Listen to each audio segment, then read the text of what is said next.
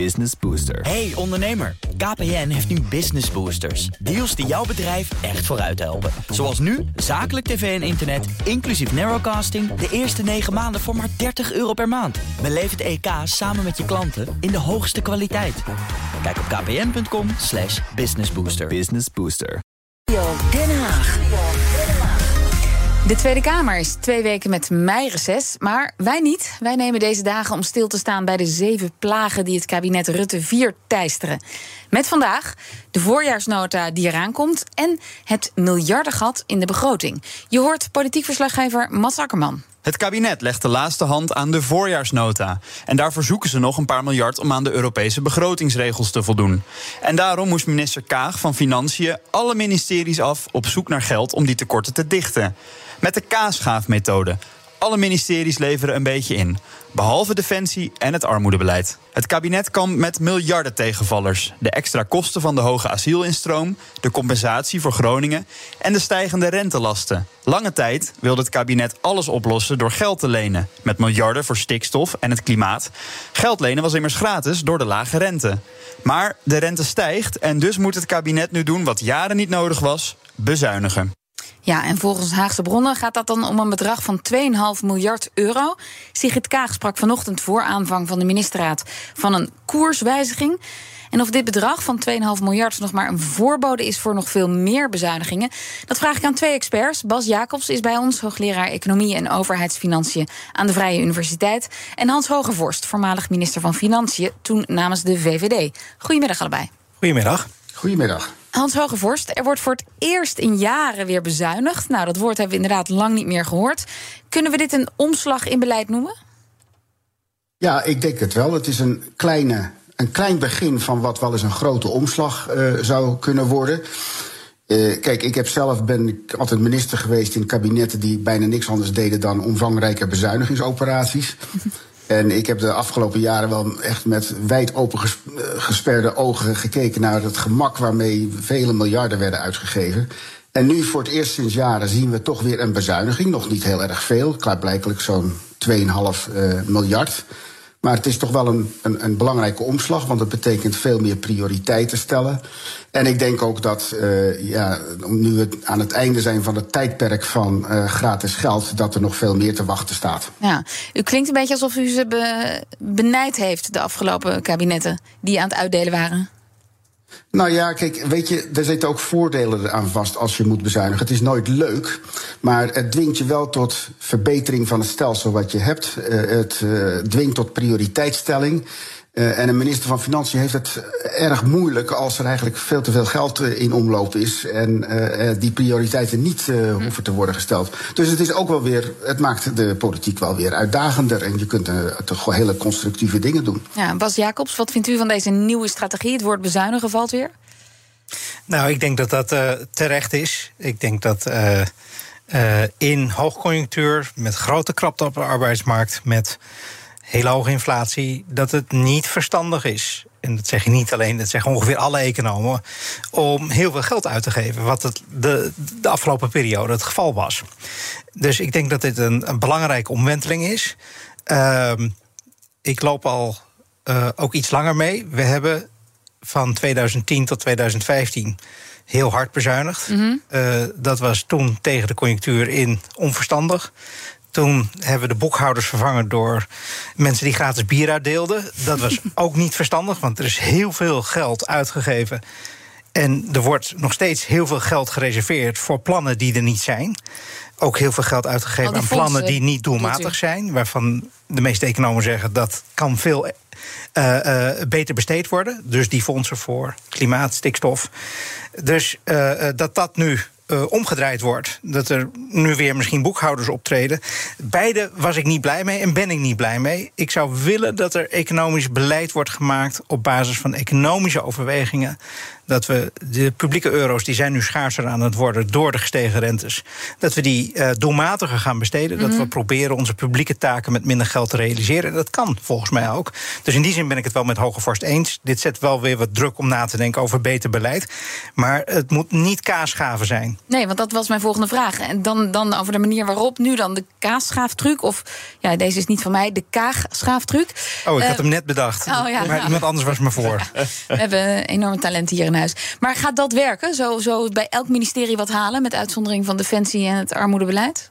Nou, ik denk dat dit het gevolg is van de politieke fragmentatie en polarisatie. Dat partijen die daadwerkelijk beleid voorstaan dat ergens pijn doet, daarvoor electoraal Ja. geen beloning Nee, krijgen. die krijgen daarvoor straf. Ja. En het gevolg is dat partijen elkaar alleen maar kunnen vinden in, nou ja, we gaan met elkaar veel geld vrijmaken, maar we hebben nog geen plannen. Of we gaan vrij fantasieloos met z'n allen maar wat minder doen en we gaan allemaal een klein beetje omlaag, zodat we niet hoeven kiezen. ja. En dat vind ik als econoom buitengewoon weinig inspirerend. Dus liever scherpe keuzes maken die wel pijn doen... maar dan in één keer veel geld eh, bezuinigen. Nee, liever keuzes maken waarin het land structureel beter wordt. Dus bijvoorbeeld door hervormingen, eh, die eh, uiteindelijk leiden tot een betere besteding van publieke euro's. Waardoor we op lange termijn eh de overheid met minder geld kunnen bekostigen, omdat we het beter organiseren. En daar hoort een visie bij op je rol van de overheid. Er hoort ook een visie bij op je rol, de rol van belastingen. En die visie die Die- is er niet. Die ontbreekt. Ja, ehm, Hans Hogevorst, toen u minister was, toen moest u ook bezuinigen, zei u net. Wat denkt u dat dit Nederland eh, gaat opleveren op dit moment, deze stap? Nou, het is heel weinig. Het gaat om 2,5 miljard, heb ik begrepen. Dus dat gaat niet zoveel doen. Ik vind ook, eh, om iets, ik ben iets milder dan eh, Jacobs. Ik, ik vind voor zo'n bedrag dat je daar een kaasschaaf voor hanteert, zeker in een voorjaarsnota, dat gewoon een bijstelling van beleid is, vind ik niet zo erg. Maar ik ben het wel met Jacobs heen. Er komt veel meer aan. En dan moet je echt duidelijke keuzes gaan maken. En dan moet je denk ik inderdaad nog eens heel goed kijken naar het stikstoffonds. eh, nog eens heel goed kijken naar het klimaatfonds. En kijken of dat allemaal niet een stukje goedkoper kan of op, op andere wijzes.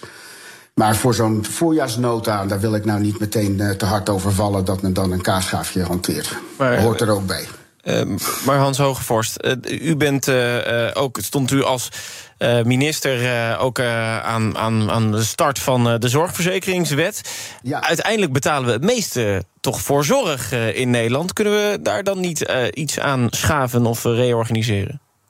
Nou ja, volgens mij gebeurt dat ook wel.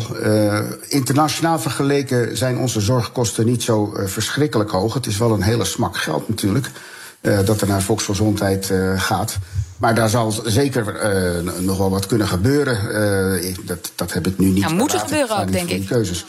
Ja, met- de vergrijzing die eraan komt. Maar ja, er is net zo'n zorgakkoord getekend... waar wel een heleboel maatregelen in zitten. Dat zullen ze misschien in de loop der jaren nog een tikje bij moeten stellen... aan moeten scherpen. En Bas Jacobs, ja, Wopke Hoekstra, die zei, eh, dat is inmiddels een beroemde uitspraak... de zakken van de overheid zijn heel erg diep, zei hij tegen- tijdens de coronacrisis. Toen was hij minister van Financiën. Heeft hij te veel met geld gesmeken, gesmeten? Ehm, dit vind ik een lastige. Eén, ik denk dat als we niks hadden gedaan met corona, dat het een ravage had aangericht in de Nederlandse economie. Eh, Dat er heel veel gezonde bedrijven eh, omgevallen zouden zijn omdat de overheid met lockdowns de boel dichtgooide. Maar onvermijdelijk zijn er ook bedrijven in leven gehouden die het zonder corona nooit gered zouden hebben en zonder de steun die daarbij hoorde. Ook hebben we gezien dat in de arbeidsmarkt, de arbeidsmarktreallocatie in technisch jargon, eh, mensen die van de ene naar de andere baan gaan, die is heel laag geweest. Eh, en eh, dat zorgt ervoor dat nu misschien te veel mensen nog in banen zitten waar ze minder productief zijn. En dus de- we, we hebben daar wel wat schade van, dit beleid, maar dat was gegeven de omstandigheden, denk ik, onvermijdelijk. Ja, kon niet anders. En ik denk dat ze misschien wel wat te genereus zijn geweest en wat te lang zijn doorgegaan. Maar ik denk dat het zeker eh, niet zo was dat we met een, met een beleid waarin we niks hadden gedaan door de coronacrisis waren gelopen. Bovendien, we hebben ook gezien dat het beleid is behoorlijk effectief geweest. We hebben natuurlijk een aantal jaren behoorlijk goede groei gehad.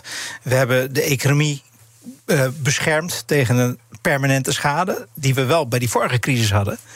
toen na de val van Lehman Brothers we hard gingen uh, bezuinigen vanaf 2010, mm. zijn we 10% van het BBP ten opzichte van de trendgroei van voor de crisis verloren.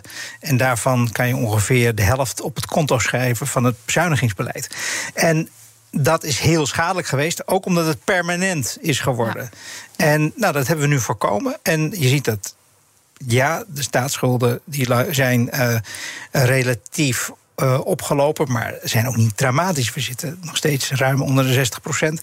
Begrotingstekorten zijn wel aan het verslechteren nu. Ja. Dat is wel een grotere zorg. toch zitten we? Ja, maar eenmalig. Vooral door de, de, de, de, de ingrepen bij het energiebeleid, de koopkrachtsteun. Dus dat is niet zo erg, zegt u? Eh, nee, als het permanent beleid was en je hebt. We zien wel structureel onderliggend het begrotingstekort verslechteren. Dus dat is reden voor zorg. Maar het is niet reden voor paniek.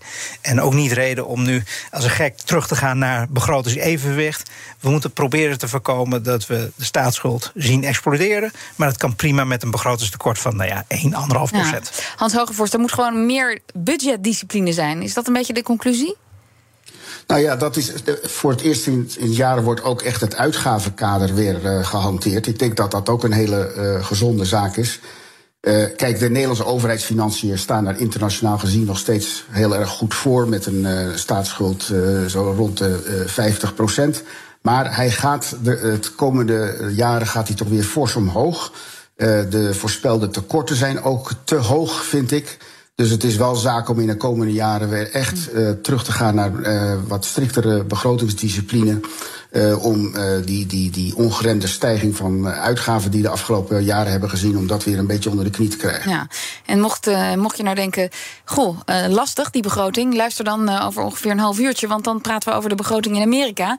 Daar is het nog veel ingewikkelder. Dank voor nu, Bas Jacobs, hoogleraar Economie en Overheidsfinanciën, en Hans Hogevorst, oud-minister van Financiën. Business Booster. Hey ondernemer, KPN heeft nu Business Boosters. Deals die jouw bedrijf echt vooruit helpen. Zoals nu, zakelijk tv en internet inclusief narrowcasting, de eerste 9 maanden voor maar 30 euro per maand. Beleef het EK samen met je klanten in de hoogste kwaliteit.